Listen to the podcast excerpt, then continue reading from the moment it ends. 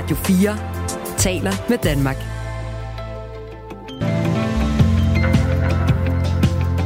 Velkommen til Radio 4 morgen. Det kan man roligt sige. Velkommen til. Var det en saxofon, der lige blandede sig der, eller hvor kom den Jamen, der, ja, Sidder du med grillhandsker på, Kasper? ja, det må du undskylde. Det er lydklaveret her, der rummer alle jinglerne, hvor jeg lige kom til at hoppe. Så der er ikke plads til menneskelige fejl i cyberspace. Heller Tag ikke de der. der grillhandsker af, vi er begyndt at sende. Ja, det gør jeg nu. Godmorgen. Det er torsdag den 16. februar. Vi er meget glade for at få lov at lave tre timers radio til dig. Øh, overskrifterne, vi lige kan løbe igennem, og det er jo altså, hvad vi ved lige nu. Nogle gange så pipler der nye nyhedshistorier frem i løbet af morgenen. Dem skal vi også nok kigge på. Men vi begynder øh, på en campingplads. Øh, hvor det store sådan, moralske spørgsmål er, som også er et juridisk spørgsmål, om man skal lade 80 mennesker blive boende et sted, de er glade for, eller om man skal overholde loven for enhver pris. 80 helårs beboere på Corona Camping ved Borup på Sjælland skulle i går kl. 12 have forladt deres hjem på ordre fra Køge Kommune. Det skulle de, fordi øh, beboerne bor hele året på campingpladsen, og det er simpelthen i strid med loven på det område. Men de har ikke planer om at flytte. Vi skal tale med ejeren af campingpladsen om lidt senere på morgenen, og også med en af beboerne og en lokalpolitiker, der har været med til at tage beslutningen om at rydde den her campingplads for beboere. Vi skal også tale om noget, der sikkert er alle hundeejers mareridt, og det overgik i sidste uge øh, øh, en kvinde, der hedder Francis List øh, fra Helsinge i Nordsjælland, øh, der har en hund, der hedder Pepsi. Pepsi spiste nemlig en cocktail af has og ecstasy og flere andre stoffer, da de gik tur. Og problemet er desværre ikke nyt, for der hvor hundeejere øh, lufter deres hunde, så er det ofte de samme steder, som der bliver handlet eller indtaget narko. Og lidt over syv, der taler vi med hundeejeren om den her ret skrækkelige oplevelse, og klokken øh, kvart over, nej, lidt over Kvart over syv, ikke? jo, nu skal vi se. Lidt over syv, ja, der taler vi med hundeejeren, og øh, kvart over otte taler vi med en øh, Københavns dyrlæge, der fortæller, at der mindst én gang om ugen kommer en hund ind på hans klinik, der har indtaget hash. Der er mange mennesker, der har hund i Danmark, og som står med det her problem. Altså lige så snart du laver et grønt område med nogle bænke, som er rart at lufte hunde på, så er det også et sted, der tiltrækker nogle af de mennesker, der ikke øh, har nødvendigvis så mange andre steder at være. Og øh, det går jo altså hånd i hånd med stofmisbrug i nogle sammenhænge. Hvis du er en af dem, der øh, sammen med din hund har fundet øh, euforiserende stoffer, og måske endda har måttet pille dem ud af gabet på din hund, så tag lige og skriv til os på nummeret 1424, fordi det her kan vi måske belyse og få løst. Altså, fordi det er jo heller ikke i stofmisbrugernes interesse, at deres dyrt tilkæmpede narkotika ender i mavesækken på en hund. Skriv lige til os på nummeret 1424, hvis du har erfaringer med narkotika, der ender i, i hundens skab. Vi skal også tale om øh, ligestilling og feminisme den her morgen. Det er nemlig langt hen ad vejen kvindernes egen skyld, at de ikke har en bedre løn eller flere bestyrelsesposter. Sådan lyder det fra en ligestillingsordfører, som vi taler med, når klokken den bliver kvart i syv. Den er 8 minutter over 6 nu. Tak fordi du har stået op øh, sammen med os den her torsdag morgen. Eller måske har du ikke engang stået op endnu. Det skal være dig vel ondt at blive i sengen, så længe du har lyst. Og du kan blive den første, der skriver til os på 1424. Radio 4 taler med Danmark. 80 helårsbeboere på Corona Camping i Køge Kommune skulle i går kl. 12 forlade deres campingvogn, men sådan gik det ikke. De er der stadig på trods af kommunens påbud om, at de skal forlade pladsen, da de ikke må bo der hele året. Stridigheden her har stået på i flere år og fortsætter altså. Og med os har vi nu Susanne Farnø. Godmorgen. Godmorgen. Du ejer den her Corona Campingplads sammen med din mand- mand Michael. Hvordan ser det ud på pladsen her til morgen? Er folk ved at pakke sammen? Nej, der, det øh, ligner fuldstændig sådan, som det plejer at ligne. Så det er en stille morgen, eller hvad? Det er en meget stille morgen. Folk har været trætte oven på alt det, der skete i går. Så øh, de gik tidligt i seng, og de sover, så vidt jeg kan se, stadigvæk. Inden vi taler om det, der øh, skete i går, og øh, hvorfor folk ikke vil forlade pladsen, så prøv lige at give os et øh, signalement for os, der ikke har været på Corona Camping. Hvad er det for nogle mennesker, der bor øh, nede hos jer? Jamen, det er jo en meget blandet flok, der bor hernede. Øhm, øh, det er jo også, øh, der bor også mange, som har brug for et lille pusterum i livet, som har været ude for nogle ting og prøver på at rejse sig igen.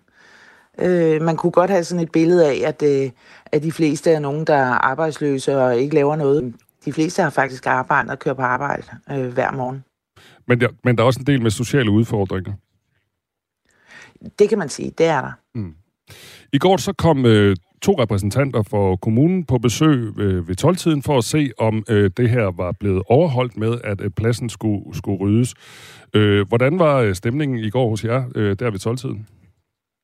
Øh, vi mærkede rigtig meget støtte fra faktisk hele Danmark. Der kom nogen helt fra Bornholm også, og kom for, for at støtte os og bare stå og fik noget kaffe og noget kage. Øh, øh, men det var jo, det var jo ikke en, en sjov, en sjov øh, oplevelse, at der kommer sådan to ind og inspicerer der, hvor man bor. Det er jo aldrig rart. Øh, så jeg tror heller ikke, det var rart for dem, der kom. Øh, men det var, det var ikke så rar en, en følelse, nej. Kommunen har jo varslet det her i, i god tid. Hvorfor, hvorfor er det, folk ikke har forladt pladsen? Jamen på en eller anden måde, så kunne man jo også øh, sige, at det er sådan en anelse rigidt, når det er to-tre måneder at få lov til at bo i sin autocamper og køre rundt. Eller din campingvogn. Hvis du bare kører rundt, så må du gerne bo i den.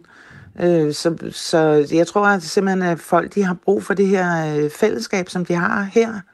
Og, øh, og så øh, er der jo også det her problem med at skaffe en bolig, man har råd til at bo i. Mm.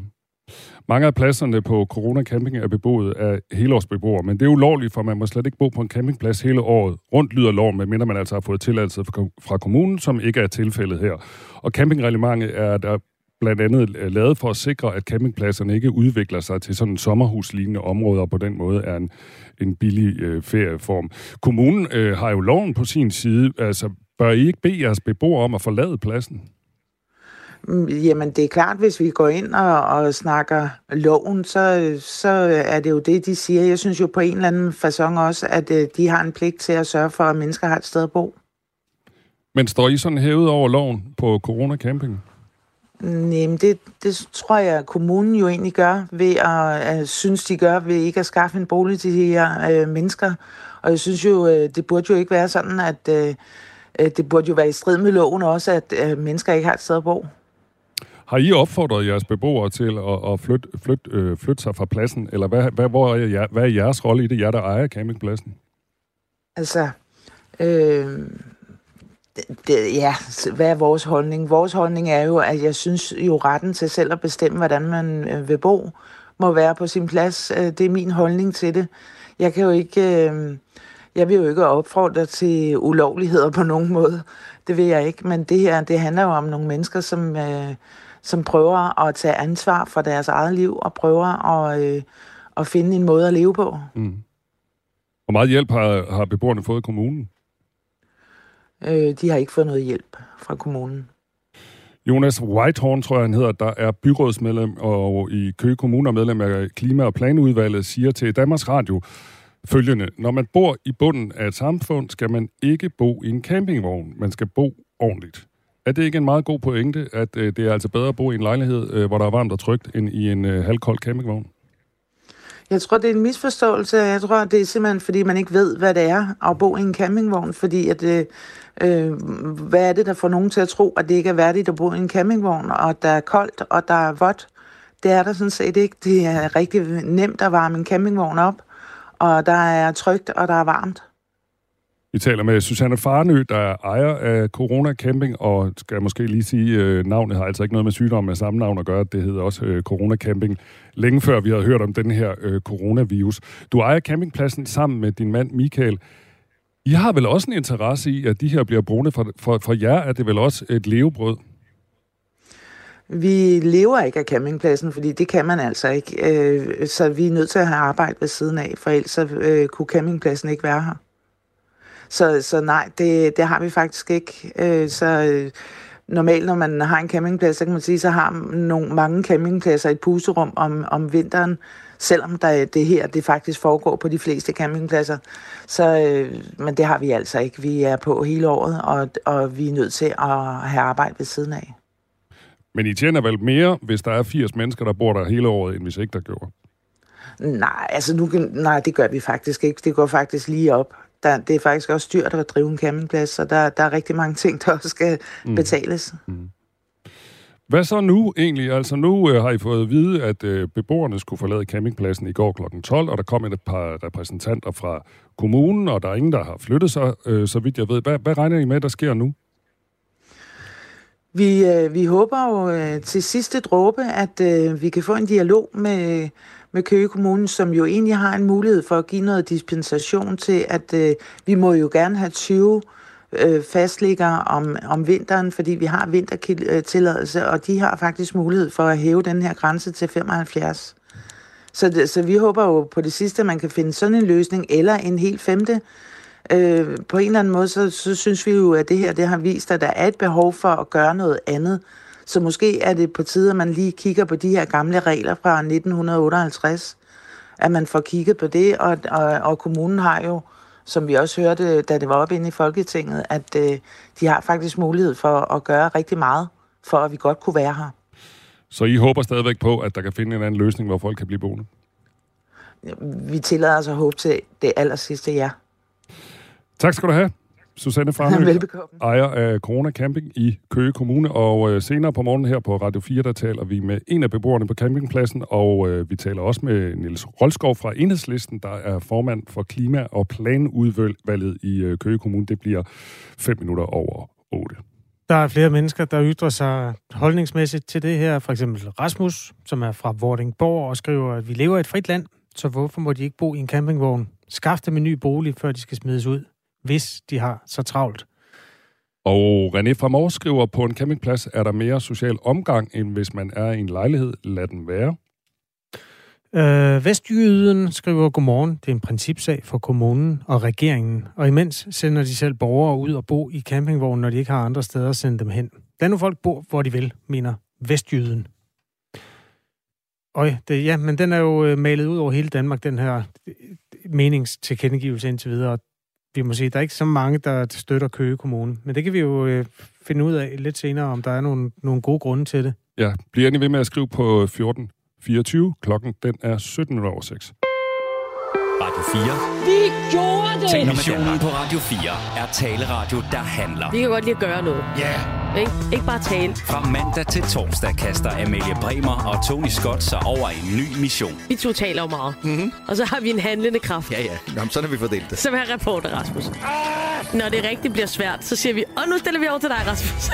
det skal du gøre. Lyt til missionen i eftermiddag fra 15 til 17. Radio 4 taler med Danmark. Jeg synes måske lige, vi skal vende os mod markedet for brugte ting, som har fået en... Øh, ja, der er en ny tendens efter, at øh, Coop Danmark bekendt gjorde, at Irma-kæden skal lukke. Der er simpelthen blevet oversvømmet af Irma-sager på øh, dba.dk, og der er en, et lille boost i, i priserne, kan jeg lige så godt sige med det samme. Særligt sådan for meget uldne muleposer. ja, præcis. Og det er altså den her historie om, at masser af Irma-butikker altså melder, at de ting, hvor der står Irma på, de er udsolgt i butikkerne, og det har altså fået folk til at sætte alt muligt Irma ting og sager øh, til salg på Den Blå Avis. Øh, Jeg sidder her med øh, et helt almindeligt stofnet, som jeg vil tro koster øh, maks 50 kroner til dagligt. Det er lidt udslidt, og det er temmelig krøllet, 150 kroner. Typisk ligger muleposerne med Irmas logo på og pigen på 200 kroner. Der er også mange, der sælger dåser, og det kan man sige, det er måske sådan den lidt mere regulære industri inden for det der, fordi det har altid været øh, vintage og anerkendt som vintage, de metaldåser, enten til kaffe eller kager eller sådan noget. Øh, de har også sådan prismæssigt hoppet en lille smule. De ligger mellem 100 kroner og helt op til 300-400 kroner, de fineste af dåserne der. Mm, der er også et klistermærke. Ja, Øh, hvad koster det? Det koster 75 kroner. Så er det der også betalt. Øh, og teksten på klistermærket er, det kan være, det sådan er passer meget godt ind i den øh, kontekst, øh, der er for tiden om Irma, hvor der står, du kan ikke slå mig ihjel. Mit navn er Irma, og så er der et billede af Irma-pigen. Så kan du også få øh, to porcelænskopper med øh, Irma-logo på 1000 kroner for to. Var det noget? Nej, øh, jeg har kopper, tak. Men øh, jeg så en af mine vesttyske kammerater, der øh, prøvede at hoppe med på bølgen for nylig, fordi han har nemlig et little net. og det satte han til salg på Facebook for 100 kroner, og det er altså ikke solgt endnu. Nej, jeg, jeg er heller ikke sikker på, altså Lidl har det vist... Nej, undskyld, Aldi Nå, selvfølgelig. ikke Aldi. Aldi. Ja, ja okay. Mm. Ja, Aldi lukker jo også i Danmark. Ja, altså mm, sådan helt anekdotisk, så tænker jeg ikke, at at Aldi er ikke mødt af den samme love storm, som Irma blev mødt af, da det blev annonceret, at Irma skulle lukke. Det er i hvert fald nogle mennesker, der ikke har adgang til medierne i samme grad, som dem, der går rundt i irma tøj lige netop nu. Ja. Men altså, hvis du er helt Irma-syg, så er der masser af gode tilbud inde på Den Blå Avis, hvis du simpelthen ikke kan undvære et net, hvor der står Irma på siden. Du lytter til Radio 4 morgen. Grønlændere i Danmark er udsat for forskelsbehandling. Noget, der ligner racisme ved mødet med danske myndigheder. Det var en konklusion, som FN's særlige rapportør for oprindelige folks rettigheder, José Francisco Carli Tjai, præsenterede på et pressemøde i København sidste fredag. Han fortalte, at øh, grønlænderne er overrepræsenteret i sager om tvangsfjernelser, og de psykologtests, som myndighederne bruger til at vurdere, om man er egnet som forældre, ikke tager højde for nogle af de kulturelle forskelle, som er forskellen på danskere og oprindelige grønlændere. I kølvandet på det her blander endnu en stemme sig så i debatten om grønlændernes rettigheder, nemlig Jeppe Bylov Sørensen, der er afdelingsleder for indsatser i Danmark hos den forening, der hedder Grønlandske Børn. Han er også med os nu. Godmorgen, Jeppe. Godmorgen. Du mener, det er ligefrem nødvendigt med en lov, der tvinger danske kommuner til at tage sprog- og kulturhensyn med, når man vurderer de her anbringelsessager. Hvad er det, der er baggrunden for dit ønske om det? Jamen, det er fordi vi i vores forening igennem efterhånden rimelig mange år har en som siger, erfaring med, at det er meget tilfældigt, hvordan at øh, de her sager de bliver behandlet i, i de forskellige kommuner. Og det forstår sådan, altså, grønlandske medborgere her i Danmark, de er jo danske statsborgere, og øh, der er ikke noget, der ligesom indikerer, at øh, man, man skal tage nogle særlige hensyn sådan, øh, i, i den lov, der i hvert fald vi oplever, der bliver behandlet efter omkring øh, børnesager. Men øh, vi synes, der er mange gode grunde til, at man skal tage nogle, nogle hensyn og, og interessere sig for, hvad det er for en kulturel baggrund, at, øh, at de grønlandske familier kommer med. Der skal vi være meget konkrete nu, fordi der er jo nogle ting, som forældre ikke må gøre ved deres børn. Så ringer alarmklokkerne ja. hos kommunen, altså ja, ja. for eksempel vold ja, og sådan noget. Det, hvad, hvad er det ja. for nogle ting, hvor, der så, hvor man kan sige noget, der måske er acceptabelt, hvis man kommer med en grønlandsk baggrund, som ikke er acceptabelt øh, i det danske Jamen det, det system? Ikke, jamen, det handler ikke så meget om, hvad der er acceptabelt. Det tror jeg, vi, det er vi alle sammen enige om. Det er man også enige om i Grønland. Altså, der bliver også anbragt en del børn i Grønland, fordi der er nogle, nogle udfordringer i, i en del familier. Men det, det vores pointe her, det er, at når man møder systemet i Danmark, så... Øh, så bliver man mødt som, øh, i hvert fald i nogle tilfælde, som om, at man øh, har boet her hele sit liv og forstår øh, alt, hvad der bliver sagt. Og det er i hvert fald en, Øh, en sandhed, der ikke eksisterer. Altså, vi, vi kan mærke, at rigtig mange af de her familier har sådan en grundlæggende mistillid til, hvad det er, det danske system, de vil dem. Og det betyder, at der er en rigtig dårlig kommunikation i de her sager. Så det handler ikke om, at, øh, at man skal øh, acceptere nogle ting, man ikke vil acceptere i forhold til, til andre børn. Det, det er vi fuldstændig... Vi er en børnerettighedsorganisation, så det, det er ikke det, det handler om. Det handler om, at man sikrer de her børns rettigheder, og det gør man bedst ved at øh, tage hensyn til, at de har to øh, kulturer med sig. Mm. Hvad er det, der gør, at øh, man, at nu går jeg ud fra det forældrene, du taler om, når du siger, at man virkelig har mm. paraderne op, når de danske myndigheder ja. begynder at blande sig.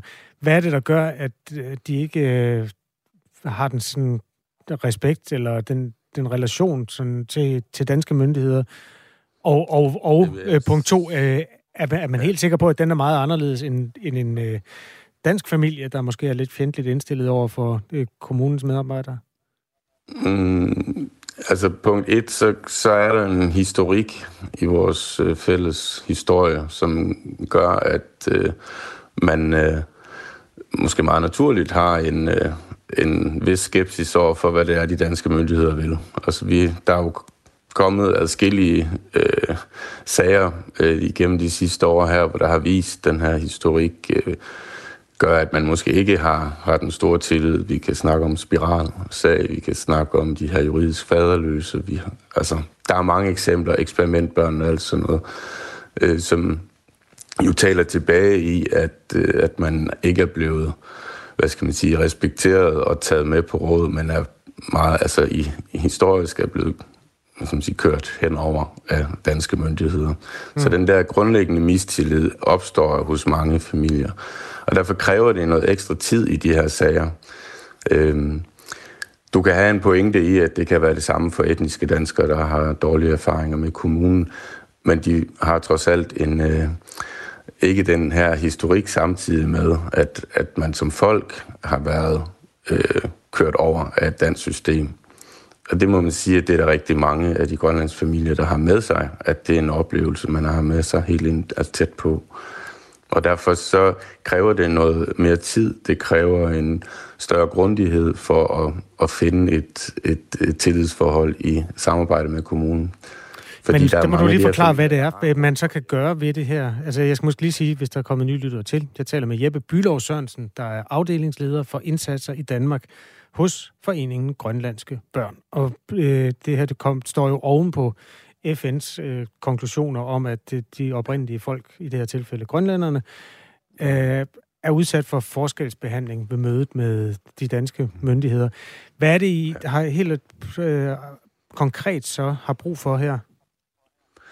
Jamen, vi har brug for, at, øh, at, at kommunerne øh, bliver gjort opmærksom på, eller bliver får en, en mere en, hvad tydelig instruks på, hvordan man kan øh, samarbejde med de her familier. Og det kræver for eksempel, at man har en større interesse for, hvad de kommer fra, hvad det er for en historik, de har, om de, altså hvor godt deres dansk er. Det, man tager det nogle gange for givet, at, at man, hvis du har boet i Grønland hele dit liv, eller størstedelen af dit liv, så vil det være meget forskelligt, hvor, hvor meget dansk man taler, fordi i i Grønland jo naturligt er, er modersmålet. Øhm, så en meget tydeligere kommunikation, øhm, og, så, og så simpelthen en accept af, at de her børn, som det jo i bund og grund handler om, kommer fra en tokulturel virkelighed, hvis de bor i, i Danmark. Mm. Øhm, der sidder måske nogen og tænker, hvis man har så, så hvad skal man sige, sådan en, en, en dårlig relation til den danske stat. Kan du give et eksempel mm. på, hvorfor man så egentlig slår sig ned i Danmark, hvis man er sådan så utilfreds med, være, med Danmark?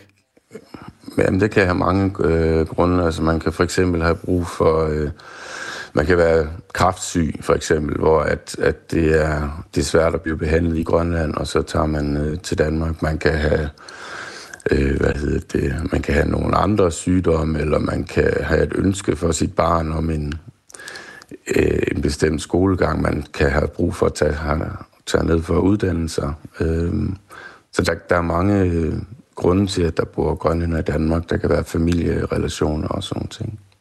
Ifølge tal fra Grønlands Statistik bor der ca. 17.000 grønlændere i Danmark.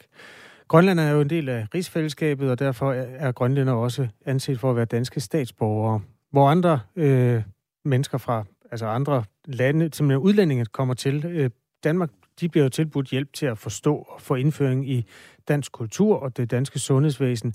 Men øh, grønlændere må altså selv lære at begå sig i Danmark, fordi de i den forstand betragtes som en del af riget øh, allerede nu. Kulturelt og geografisk er der bare langt mellem både Danmark og Grønland. Det er derfor, øh, vi taler med Jeppe Bylov Sørensen her fra Foreningen Grønlandske Børn.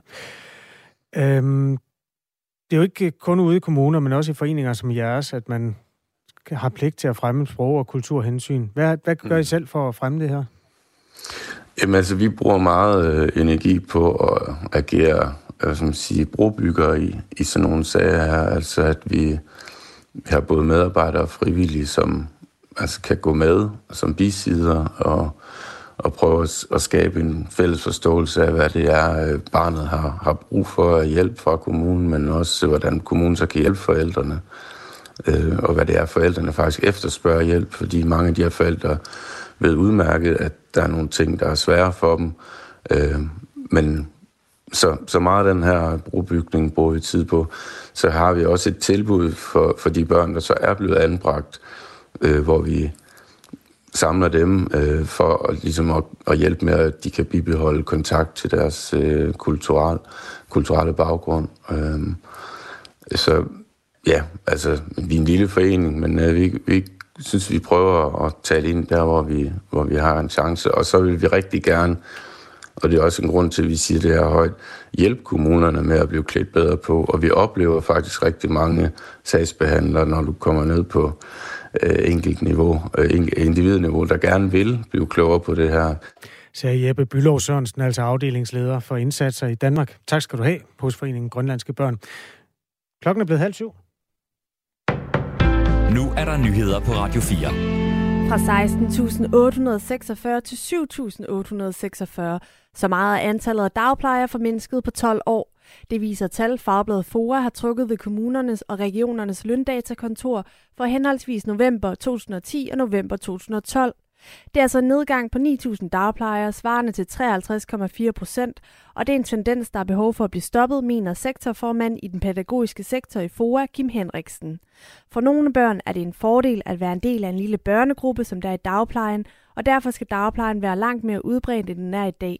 Vi ved, at forældrene faktisk er rigtig glade for dagplejen, og det mener vi, at kommunerne burde handle meget mere på, end de gør i dag, siger han til Fagbladet FOA. Spørger man Signe Nielsen, der er formand for, for for forældrenes landsorganisation FOLA er hun enig. Det er forældrenes frie valg, det handler om, udtaler hun. Fangrupperingen Danske Rødder er færdig som stemningsskabende enhed til fodboldlandsholdets kampe, og det meddeler gruppen i et opslag i Facebook-gruppen Den Røde Mur. Danske Rødder var blandt andet med til at skabe stemning omkring kampene i parken ved VM ved EM i 2021 og havde ifølge sig selv et fornuftigt forhold til Dansk boldspil Dansk Boldspilsunion, DBU. Og DBU har givet karantæner til en række personer, som gentagende gange har vist uacceptabel opførsel under Danmarks landskampe. Det forstår man ikke meget af hos danske rødder, der kalder karantænerne for en hets, da de ifølge gruppen ikke bakkes op af, bevi- af beviser på regelbrud. Af samme årsag vil danske rødder ikke bakke, om, bakke op om et nyt fantiltag, inden karantænerne er omstødt og fangrupperingen blev i sommer 2022 frataget deres faste plads på tribunen til fodboldlandsholdets hjemmekampe samt ansvaret for kaboen, og det er den person, der fører an, når der skal synges slagsange. Det har vi gjort, fordi vi oplever, at flere melder tilbage til os, at de føler sig utrygge på tribunen under Danmarks seneste landskampe, skrev DBU dengang.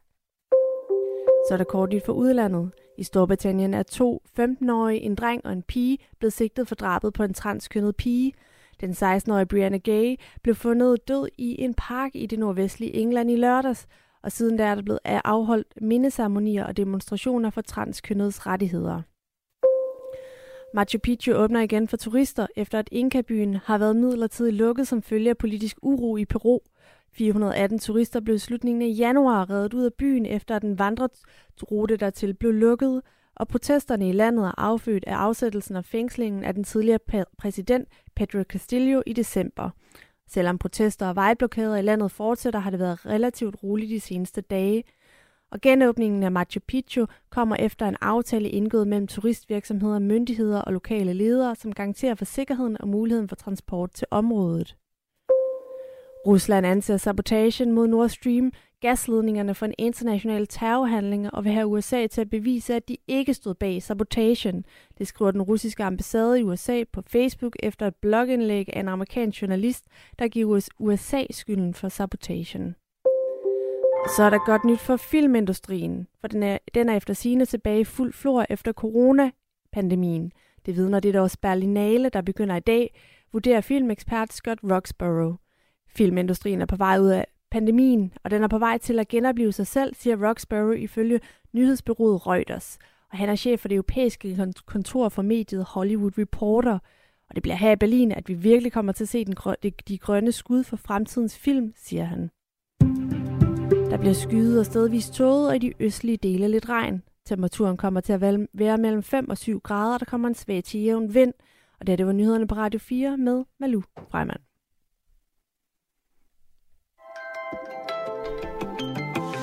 Du lytter til Radio 4 morgen. Husk, du kan skrive en sms til os på 1424. Som Tommy har gjort fra det dejlige Amager. Godmorgen til jer to dejlige, friske værter, står der. Aldi er måske ikke det samme som Irma, men alligevel personligt vil jeg savne Aldi. Alt for mange øh, for mange ting. Altså savne de for mange ting. Personligt har jeg købt øh, alt fra t-shirts til blæer til mine børn gennem tiden. Så jo, jeg vil savne alle de, lyder det øh, lidt vemodigt fra Tommy. Og det er fordi, vi talte for et øjeblik siden om, at der er masser af mennesker, der sætter Irma-ting til salg på den blå vis, fordi at det går som varm brød alt, hvad der står Irma på. Så snakker vi om det der med, det er som om, at Irma er ramt af mere kærlighed end Aldi, der jo også lukker. Øh, og det er så en kommentar til det, som Tommy kommer med. Der er også en anden, der skriver, øh, jeg kommer til at savne Aldi. Øh, I tirsdags lavede Genau, vores Tysklandsprogram med Mirko Reimer og Elster, et, et helt afsnit om den her tyske discountkæde, som står nogens hjerter nær. Så øh, det, gå ind i din podcast-app eller din Radio 4-app, så kan du simpelthen øh, få en, en time i det her dejlige blå-hvide logos skær sammen med vores Tysklandsprogram. Det er jo altså også et stykke øh, kulturhistorie, bare et lidt ja, besunget på en lidt anden måde. Klokken er 6.35. Man kan skrive til os på 1424, som de her mennesker har gjort. Radio 4 taler med Danmark. Alle hundeejers mareridt overgik i sidste uge Francis List og hendes hund. Pepsi. Hun spiste nemlig en cocktail af has og ecstasy og flere andre stoffer, da de gik tur i Helsinge i Nordsjælland. Og problemet er desværre ikke nyt, for der, hvor hundeejere lufter deres hunde, er der ofte de samme steder, som der bliver handlet og indtaget narkotika. Francis List, øh, det er dig, der ejer hunden Pepsi, som indtog de her stoffer. Godmorgen. Godmorgen. Ja, det er det. Ja, ja tag os lige med øh, helt fra begyndelsen. Øh, hvad, hvad, hvad skete der i fredags? Ja, men øh, mig og min datter har været i biografen, så vi var kommet sent hjem. Så det blev en sen aftenstur, det vil sige, det var bælragende mørkt, og selvom jeg havde pandelamper på, så kan man ikke sådan se 100% hvad, hvad hunden laver. Men øh, da vi kommer og går igennem det område, det er sådan en lille park bag, øh, ja, bag, bag præstens hus, som altid er blevet kaldt præstens have, øh, Øh, det, det, det er et offentligt område. Øh, mm. det, der gik vi igennem, og så der, der er en lille sø, og ned ad søen, der, der så jeg en spist et klump et eller andet, som jeg troede bare var noget gammelt brød, der var blevet smidt til tænderne. Mm. Jeg tænkte mere, mere over det. Hun er den type hund, der samler alt til noget spist, eller spiseligt, og måske ikke altid lige spiseligt op. Så, så det tænkte jeg ikke lige mere, mere over. Så så jeg vågnede øh, næsten, øh, tidlig næste morgen med at have en hund, der altså, vågnede af, at hun brækker sig. Og øh, stod op, og der kan jeg se, at hun lå i sin seng og var helt gennemvåd af, af tis, fordi hun har simpelthen altså, tisset i søvnen eller ud over sig selv. Og så, så stod hun jo sådan ligesom lidt op, og hun var helt vaklen på benene og ikke rigtig kunne stå på benene, og hun var også sådan meget fjernt i, i blikket. Så, så jeg var godt klar over, at der var et eller andet helt ravne galt med hende. Og og mit hvor... første, tank, første tanke var, at hun har fået en blodprop eller sådan noget. Okay. Hvornår går det så op for dig, at det kan være det her, hun har spist over i præstens have, som øh, kan være årsagen til det? Ikke før jeg stod hos dyrlægen. Øh, jeg, øh, jeg var heldig, altså, jeg er heldig at have en dyrlæge, der åben om lørdagen, men jeg fik skrevet en sms til hende om, om, om hvornår hun var der, fordi fordi det var helt ravende galt med Pepsi. Så siger hun, ja, her nu, så kom bare. Så det gjorde vi så. Og, og, og, og hun undersøgte den grundigt, og så, så, så, siger hun til hende, så siger hun, at mit gæt ville være, at hun har spist hash. Okay. Øh, fordi det var alle, alle hendes symptomer, det tød på det. Det der med, at hun var sådan lidt lysfølsomt, og sådan lidt, øh, ja, hvis man kom så tæt på hende, så var det sådan lidt sådan, wow i, i blikket, ikke? Mm, altså, mm. Og øh, hun tog en blodprøve for en sikkerheds skyld, og det skulle være noget andet. Og så, øh, så, så blev vi enige om, at, øh, at hun ville beholde hende og, og, og ville lægge hende i drop i, i, i tre timer for at prøve at, at, at få alt det der stof renset ud. Og hun fik også noget et ordentligt skud i munden til noget aktivt kul, der skulle ligesom forhindre, at hun optog flere giftstoffer. Nu sagde du hash, og så sagde du blodprøve. Øh, fandt de ud af, at der var andre ting end hash i hendes blod? Ja, men det var det. Øh, I starten så sagde hun, at, øh, at egentlig kunne hun tænke sig at få taget at lave sådan en stoftest, men øh, det er jo ikke lige til at få fat i i øjeblikket. Men øh, så øh, imens, øh, øh, altså, så mens hun beholdt hende, så, så ringede hun senere for at sige, at, øh, at den der blodprøve viste øh, ikke noget. Så, så, men hun, så har hun jo fået fat i øh, sådan en hashtest, men det skulle hun jo bruge en urinprøve til. Så hun spurgte, om vi kunne komme, komme der efter de der tre timer og gå en tur med hende og få en urinprøve. Og det gjorde vi så.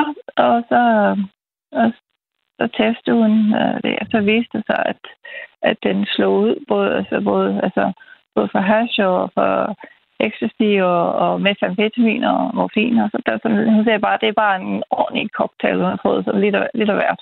Hello. På Københavns Dyrehospital oplever man flere gange om ugen, at der bliver bragt øh, hunde ind, som har indtaget hash eller også andre euforiserende stoffer. Øh, generelt så er det altså noget, der sker flere gange om ugen mange steder i Danmark. Det her det kan blandt andet hænge sammen med, at nogle af de grønne områder, hvor man har mulighed for at lufte sin hund i, de, i byerne, det er også der, hvor stofmisbrug det foregår. Altså nogen øh, hænger ud der, når de har taget deres stoffer, og det er måske også der, der bliver handlet med dem, og derfor ligger der depoter hist og pist. Jeg kender det selv, når jeg... Altså, jeg har ikke hund selv, men jeg har et par hunde, som jeg lufter sådan på... Øhm, på, på, på gule plader, altså, øh, og, og hver gang jeg sådan har, for når hunden den træsker ind imellem de der buske, hvor jeg, hvor jeg sådan får den tanke, at den har lyst til at gumle på et eller andet, så bliver jeg sådan nervøs, øh, altså af samme grund der. Altså det, du har oplevet, det, det, det er lige præcis det, som jeg har gået og, og frygtet. Ja, øh, ja. Ja. Har du ikke tænkt over det før, at øh, risikoen øh, var der? Nej, fordi, øh, nej, faktisk ikke, fordi øh, jeg var faktisk ikke klar over, altså jeg vidste godt øh, på de der bænker, der var sådan højere oppe i den anden ende af parken, at der, der sad unge og drak og sådan noget, men ja, selvfølgelig havde jeg tanken straffet, men de godt kunne finde på at spise lidt stoffer, men jeg havde ikke lige tænkt over, at det ligesom øh, smid det på jorden, og det var heller ikke lige det. Altså, jeg har været lidt smule opmærksom på omkring det, der, hvor de der unge sider mm. at hun ikke, hun ikke fik lov at gå derhen og, og, og ligesom snuse og spise op. Men, uh, men det har åbenbart også fået smidt noget, altså længere ned. Det er åbenbart, fordi det er en stor fordel ikke at have stoffet på sig, hvis der kommer øh, politi. Så øh, især ja. hvis man øh, sælger af det, så er det en, en fordel, at det ligger gemt et andet sted. Og det ligger så ofte der i skovbunden åbenbart. Det her det er også lige en opfordring til dig, der hører Radio 4 morgen. Altså hvis der er andre, der har erfaringer med, at deres hund kommer i nærheden af euforiserende stoffer på en eller anden måde, og måske endda indtager dem, som det sker en del gange om ugen, ifølge de oplysninger, vi får fra forskellige dyrehospitaler, så må du meget gerne skrive en sms til os. Det kan være, du har lyst til at dele erfaringerne, også med, hvordan man kan undgå det. Det, det er jo sådan set det vigtigste af det hele. Du kan skrive til os på nummeret 1424 hvis du vil være med her. Vi, og vi skal altså tale også med et øh, dyrehospital, en repræsentant for, for lægestanden i den her sammenhæng, cirka kvart over syv. Og vi taler lige nu med Francis List, der ejer hunden Pepsi, Pepsi som altså har fået en, en noget ubehagelig øh, cocktail af narkotika. Øh, Francis, hvor, hvor, hvor hurtigt gik det over, eller, eller hvor lang tid gik der, før øh, Pepsi fik det godt igen? Ja, altså allerede da vi hentede hende fra dyrlægen, efter hun havde fået det der, hvor hun havde ligget tre timer i drop, der, der, altså, der kunne man jo se, at hun var blevet øh, noget friskere, men hun var jo altså stadigvæk lidt, lidt, lidt vagten på benene, og sådan lige ikke sådan helt 100% sig selv, men der kunne man jo bare se en, en meget tydelig bedring. Og så resten af dagen, der var hun sådan lidt noget, noget, noget stille og lidt slap og lå og sov det meste dagen. Så. Og hvordan har hun det nu så? Nu, altså, til, synligheden har hun det fint. Hun virker, virker til sig, af sig selv igen. Så jeg håber bare ikke, der er kommet noget, altså, altså noget længevarende øh, virkning på nogle af hendes organer. Ikke? Det, det ser hun, det, det var mest, øh, hvis de fik indtaget stor mængde hash, at det kunne godt lave noget lidt længerevarende skade. Mm. Øhm, så, men og jeg har også indtryk af, at det er ofte har sagt, at det er typisk, altså, det er hashen, hunden går efter, fordi det er den, de, altså, det er den, der er åbenbart sådan lidt behagelig for hunden at spise. Mm. Og så er bare uheldigt, at de har blandet andre ting ind i. Hvad kommer det her egentlig til at betyde sådan for, for dig og din fremtid i forhold til at lufte øh, hunden øh, Pepsi? Jeg ved, du også har en anden hund, der hedder Kimi. Øh, ja. hvad, øh, hvad, er, du, er det slut med at lufte hunden i præstens have? Eller hvad tænker øh, du? Det, det, det, det tænker jeg i hvert fald. Det, vi går nok ikke den vej forbi mere. Så I, øh, I går ikke der forbi, og du øh, holder måske også øh, endnu mere øje med, hvad, hvad hundene gumler på? Ja, ja, det prøver jeg. Det, det, det er altså lidt svært, når man har en hund, der, der hapser ting. Hun, hun kunne lugte den, før jeg kan se den, så ja. hun hopper ud og hapser dem, og så er de bare væk i løbet af to sekunder. Så, mm. så, så det, det er lidt svært, men selvfølgelig, altså, så det gør jo, at man tænker lidt mere om, hvor, hvor, man, ja, hvor man kommer til at gå hen i fremtiden. Sådan sagde altså Francis uh, Lift, der ejer hun Pepsi og hun Kimi. Tak fordi du var med. Ja, velkommen. Hils og klap Pepsi fra mig, skriver Lars på Sønderborg. det er godt. øh, Jesper han skriver, mundkurv brugte jeg til min hund, fordi den spiste også alt på sin vej. Frank kommer med samme problem, øh, eller løsningsorienteret sms. Problemet kan løses ved, at man giver hunden mundkurv på, når man lufter den. Og som du øh, sagde for et øjeblik siden, Kasper, så taler vi i næste time med en dyrlæge for at finde ud af, hvor stort problemet er. Og du sagde også, og det er også rigtigt, der, der kommer øh, der, hvor han arbejder, den dyrlæge, vi skal tale med, en, mindst en gang om ugen, en hund ind, som øh, har spist noget has. Ja, eller andre jo euforiserende stoffer. Præcis. Noget, der er værre. Ja. Øhm, ja, det, altså det, det får sådan et, når det går godt, får det sådan et, et lidt øh, næsten komisk præg med en hund, der, der er påvirket af hash, fordi det, det er åbenbart nogle sådan lidt, øh, lidt sjov adfærd, hunden får nogle gange, men det er jo så som hundeejer forbundet med, altså man sidder med hjertet op i halsen, mm. når hun øh, ja, ruller med øjnene og, og, og hvad den, altså opfører sig mærkeligt. De der anekdoter og erfaringer, både det, hvor det går godt, og også selvfølgelig, hvis det går skidt, dem vil vi meget gerne høre fra dig, hundeejer, der har været ude for et møde med euforiserende stoffer. Skriv lige til os på nummeret 1424, hvis du har erfaringer på det her felt. Tak til Frank og Lars og Jesper, der allerede har gjort det. Radio 4 taler med Danmark. I går annoncerede Skotlands første minister Nicola Sturgeon, at hun går af, så snart hendes efterfølger er fundet. I am announcing my intention to step down as First Minister and leader of my party. Ja, første minister, altså Skotlands første altså premierminister svarer det til. Morten Rønnelund er journalist og følger de britiske forhold på os øh, her på Radio 4. Han fortæller, at øh, det her det tyder på, at Sturgeon simpelthen har haft for travlt. Det er blevet for meget, og hun føler ikke, at hun kan levere de 100 procent, måske endda 110 procent, som landet fortjener. Det var i hvert fald den tale, hun udlagde i ret mange detaljer, uden at være privat, men alligevel i ret mange detaljer, da hun øh, forklarede sin beslutning. Hun havde sådan en, en sød lille vending med, der er to sider af det her spørgsmål. Den, øh, den ene er, om det er rigtigt for mig at fortsætte. Den anden er, om det er rigtigt at fortsætte med mig. Øh, og det var de to ting, som hun var kommet frem til, at det er det rigtige, ikke rigtigt mere. Det var ret uventet, da hun øh, annoncerede, at hun ville gå af, Nicholas Sturgeon. Både for Morten Rønnelund her, men altså også for hendes kolleger i det skotske parlament. Det er sket meget pludseligt, og man kan også se på nogle af de øh, fremtrædende SNP-politikere, altså det parti, hun kommer fra, øh, som, som har udtalt sig til, øh, til de britiske medier i dag, at de sådan øh, lidt nærmest pinligt har måttet indrømme, at ja, øh, jeg er godt nok højt placeret, men øh, jeg fik det altså først at vide i morges, og det er, det er altså vidderligt øh, kun 3-4 timer, før hun går ud og siger det til resten af befolkningen. Så, så alle er chokeret. Måske også hende selv. Øh, hendes fortælling er, at øh, hun har været frem og tilbage over nogle øh, uger. Skulle det være, skulle det ikke være, er det nu, og timingen og alt det der. Øh, og så var hun til en begravelse for et øh, gammelt øh, SNP-partimedlem, som også har været stor fortaler for øh, lige præcis øh, uafhængigheden, og der faldt det på plads for hende. Øh, de, de tanker, hun gjorde sig der, øh, der faldt det på plads, og det var i går. Øh, så, så, så, så det er kommet pludseligt, og beslutningen er også landet for hende selv øh, meget hurtigt. Ren overraskelse. 52-årige Nicholas Sturgeon har været første minister i Skotland siden 2014. Det er den længste periode, nogen har siddet på den post. Og Sturgeon er nogen blevet kritiseret for at være for passiv i sin rolle om skotsk uafhængighed, men det er altså ikke grunden til, at hun nu forlader posten. Det vurderer Morten Rønnelund. Der er ikke nogen, der har bedt hende om at gå af. Det tør jeg godt lægge hovedet på blokken og sige. Og der er heller ikke rigtig nogen sager, der hænger alt for tungt over hovedet på hende. Vi kan måske vende tilbage til, hvad der alligevel trækker lidt i en retning, der også kan gøre det taktisk. Men i udgangspunktet, så var det, hun forklarede, meget troværdigt. Øh, og hun har en høj troværdighed i forvejen. Øh, hendes forklaring var også lidt på en eller anden måde kompliceret, og det havde været unødvendigt, hvis man skulle lyve. Øh, så kom med en simplere løgn end den, hun kommer med. Og derfor så tror jeg, der, der er grund til at tro på, hvad hun siger. Altså hun vil gerne levere på højt niveau, og hun føler sig måske træt og slidt. Ingen kan holde til det her topjob, som er så belastende, og hvor der også var covid-19 og alt muligt andet de senere øh, år øh, i, i, i, i så lang tid, som, som jeg har gjort det. Øh, så det. Så det er bedre at lade være. Det var kort sagt den forklaring, hun kom med. Og i sin tale siger hun, at Skotland har brug for en leder, som alle i landet ikke allerede har en holdning til. Og den udtalelse er en nøje overvejet strategi fra Sturgeons side.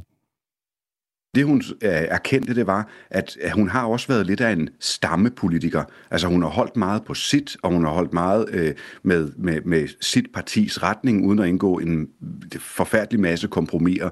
Øhm, og det har også gjort, at der er nogen, der virkelig godt kan lide hende, og dem, der ikke kan, de kan så virkelig ikke lide hende. Og, øh, og der er nogle af de sager, som hun gerne vil have, at, øh, at Skotland skal løse, blandt andet selvstændighed, det kan vi også komme tilbage til. Men der nytter det ikke, at det er personen, der trækker. Det nytter ikke, at man ikke kan overbevise folk, fordi de måske nok er enige i det, der bliver sagt, men de kan ikke lide Nicola Sturgeon, og derfor så køber de ikke synspunktet. Så på den måde så træder hun lidt væk for, at hendes person ikke skal ødelægge det, som hendes parti øh, gerne vil have, have indført. Nicola Sturgeon har været medlem af det skotske parlament siden 1999 og den skotske regering siden 2007, og hun har ingen planer om at forlade politik, siger hun. Hun vil fortsætte sin kamp for et uafhængigt Skotland. Du lytter til Radio 4 morgen. Ligestillingen her i landet har ikke fejlet. Det er bare kvinderne, der prioriterer forkert. Det er en konstant udmelding fra en øh, ligestillingsordfører, som vi skal tale med om et øjeblik øh, i et debatindlæg, som er skrevet i politikken. Synspunktet er, at kvinderne selv er skyld i, at øh, de ikke optager flere bestyrelsesposter eller har en reel løn på samme niveau som mændene. Det er simpelthen kvindernes egen skyld, siger Solbjerg Jacobsen, som er kvinde og ligestillingsordfører hos Liberal Alliance. Og med os nu, godmorgen. Hvorfor er det kvindernes egen skyld? Det er sjovt, det bliver sat op som, at øh, jeg er meget kontroversiel, fordi jeg siger det her. Fordi at øh, der mangler jo, der er meget følelser i den her debat, og øh, ikke så meget fakta. For eksempel øh, sidste øh, år i november, der vi så, at øh, lige pludselig så arbejder vi gratis resten af måneden, fordi at kvinder i gennemsnit tjener 13,5 procent mindre end mænd, så mener man, at vi arbejder gratis, og der er diskrimination mellem mænd og kvinder. Men hvis man kigger ned i undersøgelsen, så ser man, at kvinder prioriterer anderledes. De øh, arbejder ikke lige så meget som mænd i gennemsnit. Og øh, der er mange faktorer, der spiller ud over det. Der er flere mænd, der tager en risiko i at være selvstændige. Der er flere kvinder, som tager uddannelser, som ikke giver det samme i løn som gennemsnittet. Og på den måde, så kan man se, at når man tager alle de her faktorer ind, så, så forsvinder den her lønforskel. Så lad os øh, kigge på den anden del af det, som handler om de her bestyrelsesposter. Det er jo sådan jævnligt ja. til diskussion, om man i toppen af erhvervslivet skal kigge mere mod at få befolket bestyrelserne af kvinderne, fordi det tit er mænd i ens tøj, der sidder øh, rundt om bordet der. Ja. Er det også kvindernes egen skyld, at de ikke er inviteret med der? Jamen det, som jeg synes er sjovt, når vi hører det der, hvad var det, 8 ud af 10 øh, bestyrelsesposter besiddes af mænd. Mm. Det, som jeg godt gad, at man også interesseret sig i, når man laver sådan statistikker der, det er, at hvor mange kvalificerede generelt er der i udbud til det her? Hvor mange er det, der ønsker det? Fordi at vil det være en 50-50 deling af mænd og kvinder? Det tror jeg faktisk ikke, det vil. Men det og, ved du det? Og der, hvad? Nej, men hvorfor undersøger man det ikke? Hvorfor gør man ikke bare det her? Fordi vi kan jo også se, at der er næsten ingen mænd, der søger ind på jordmoderuddannelsen. Er det fordi, at mændene ikke... Øh, og der er næsten, der er heller ikke særlig mange mænd, der søger ind på frisøruddannelsen.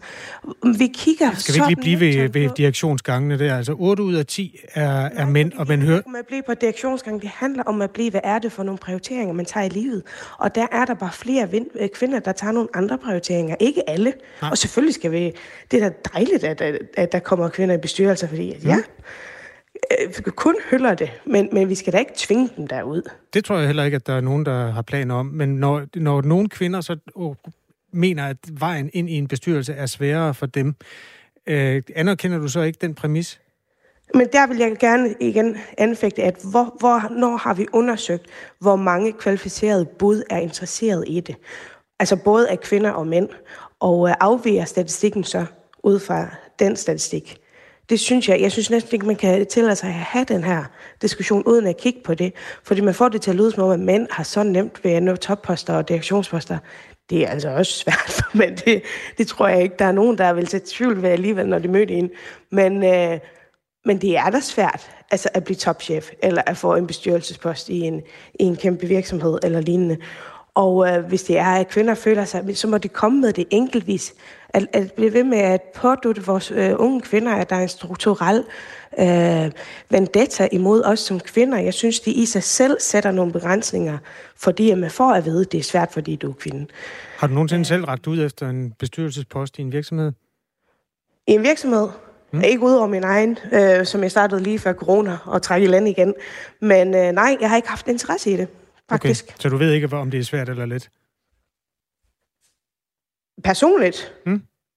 Nej, men jeg synes også, at det er stillet det op på den måde, at fordi at det kun er 8 ud af 10, nej, en, nej, to ud af 10, der er kvinder, jamen så finde ud af, hvor mange har ragt ud, hvor mange har ville have ind i forhold til mænd. Det nytter simpelthen ikke noget, at vi bare bliver ved med den her resultatlighedsfokus, at, uh, at sige, at mænd og kvinder vil det samme. Der er mange kvinder, der også vil bestyrelser. Hvis det er, at mænd diskriminerer dem, så er det klart noget, vi skal slå ned på. Men at automatisk formode, at det er diskrimination, blot fordi, at der ikke er én statistikker, det synes jeg er en fejl. Det, der synes jeg heller, vi skal kigge på. Er der lige så mange kvinder, der er ragt ud som mænd?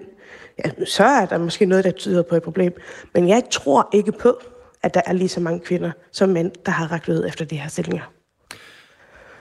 Hvis en kvinde øh, hører det her og føler, at øh, hendes vej til toppen af enten en lederstilling eller måske en bestyrelse har været, øh, været svær, hvad vil du opfordre det her menneske til at øh, gøre, hvis, hvis du siger, at kønsdiskussionen, den har ikke noget at øh, sige, så, så derfor er det alle de andre årsager. Hvad, hvad skal den, den person så gøre nu? Jeg synes, hun skal bare give den gas, ligesom så mange andre kvinder også gør. Hun skal bare give den gas, og øh, det ved jeg, jeg får meget høvl for at sige. Øh, især for dem, der har kæmpet. Og øh, før os, fordi vi står jo på skuldrene af nogen, som har kæmpet en brav kamp. Og der er måske nogle steder, vi, altså, jeg, jeg udelukker ikke, at der aldrig er mænd, der diskriminerer. På samme måde som der aldrig er kvinder, der diskriminerer. Det er da klart, det kan være svært et eller andet sted, men der er ikke en strukturel vendetta imod os kvinder. Kvinder skal ikke gå rundt og være bange og tro, at de ikke kan få en toppost blot, fordi de er kvinder. Det, det synes jeg er en begrænsning at sætte for vores, for vores unge kvinder, som, som de ikke skal have. Fordi at, altså, vi kan jo se det ude på Christiansborg, der begynder det jo nu at øge, og vi, vi er så inden for den der 60 40-skiven. Mm. Uh, og at, at det ser, at, der er det noget helt andet, kan man så sige. Der er det jo noget helt andet. Ja. Jamen, igen, jeg har jo selv prøvet at lave en liste til kommunalpolitik. Det er jo nærmest umuligt at få en kvinde til at stille op, fordi de gider ikke. Jeg skal lige spørge dig, Solbjørg Jacobsen, øh, ligestillingsordfører hos Liberal Alliance. Det her det er jo en, en debat, der går tilbage til sådan hele kvindesagen og, og rødstrømperne og mm. en, en kamp, der har stået på i mange år. Du siger, at den er i mål nu. Altså, hvornår kom den i mål? Hvornår var der ligestilling? Altså, når vi får det lige rettigheder, Hvornår så, så, så er det jo lovgivningsmæssigt. Med stemmeretten, eller? Det som, det, som jeg synes er træls, når man øh, spørger mig som kvinde, der er glad for alle de her rettigheder, vi har fået, mm.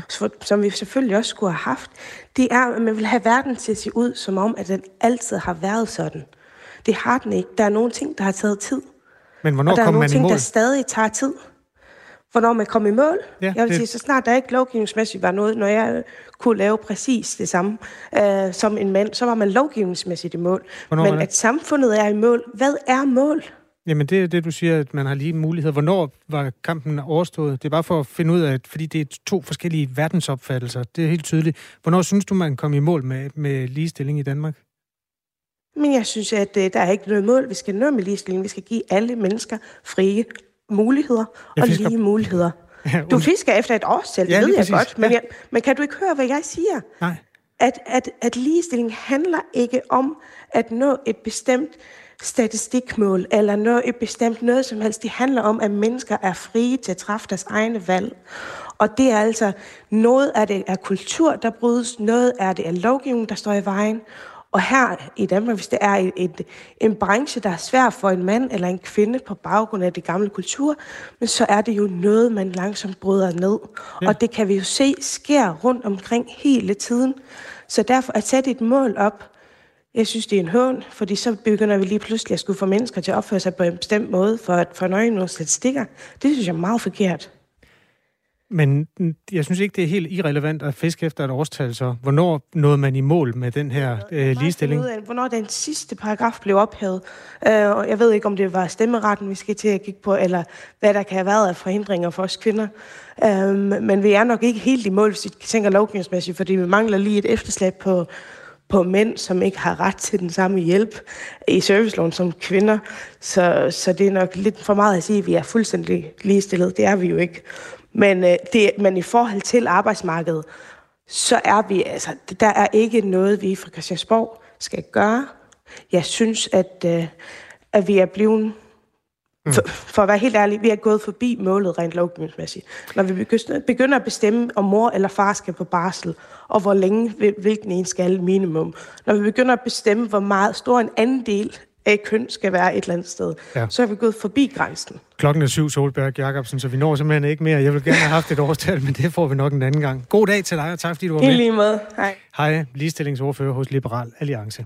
Som sagt, klokken er syv.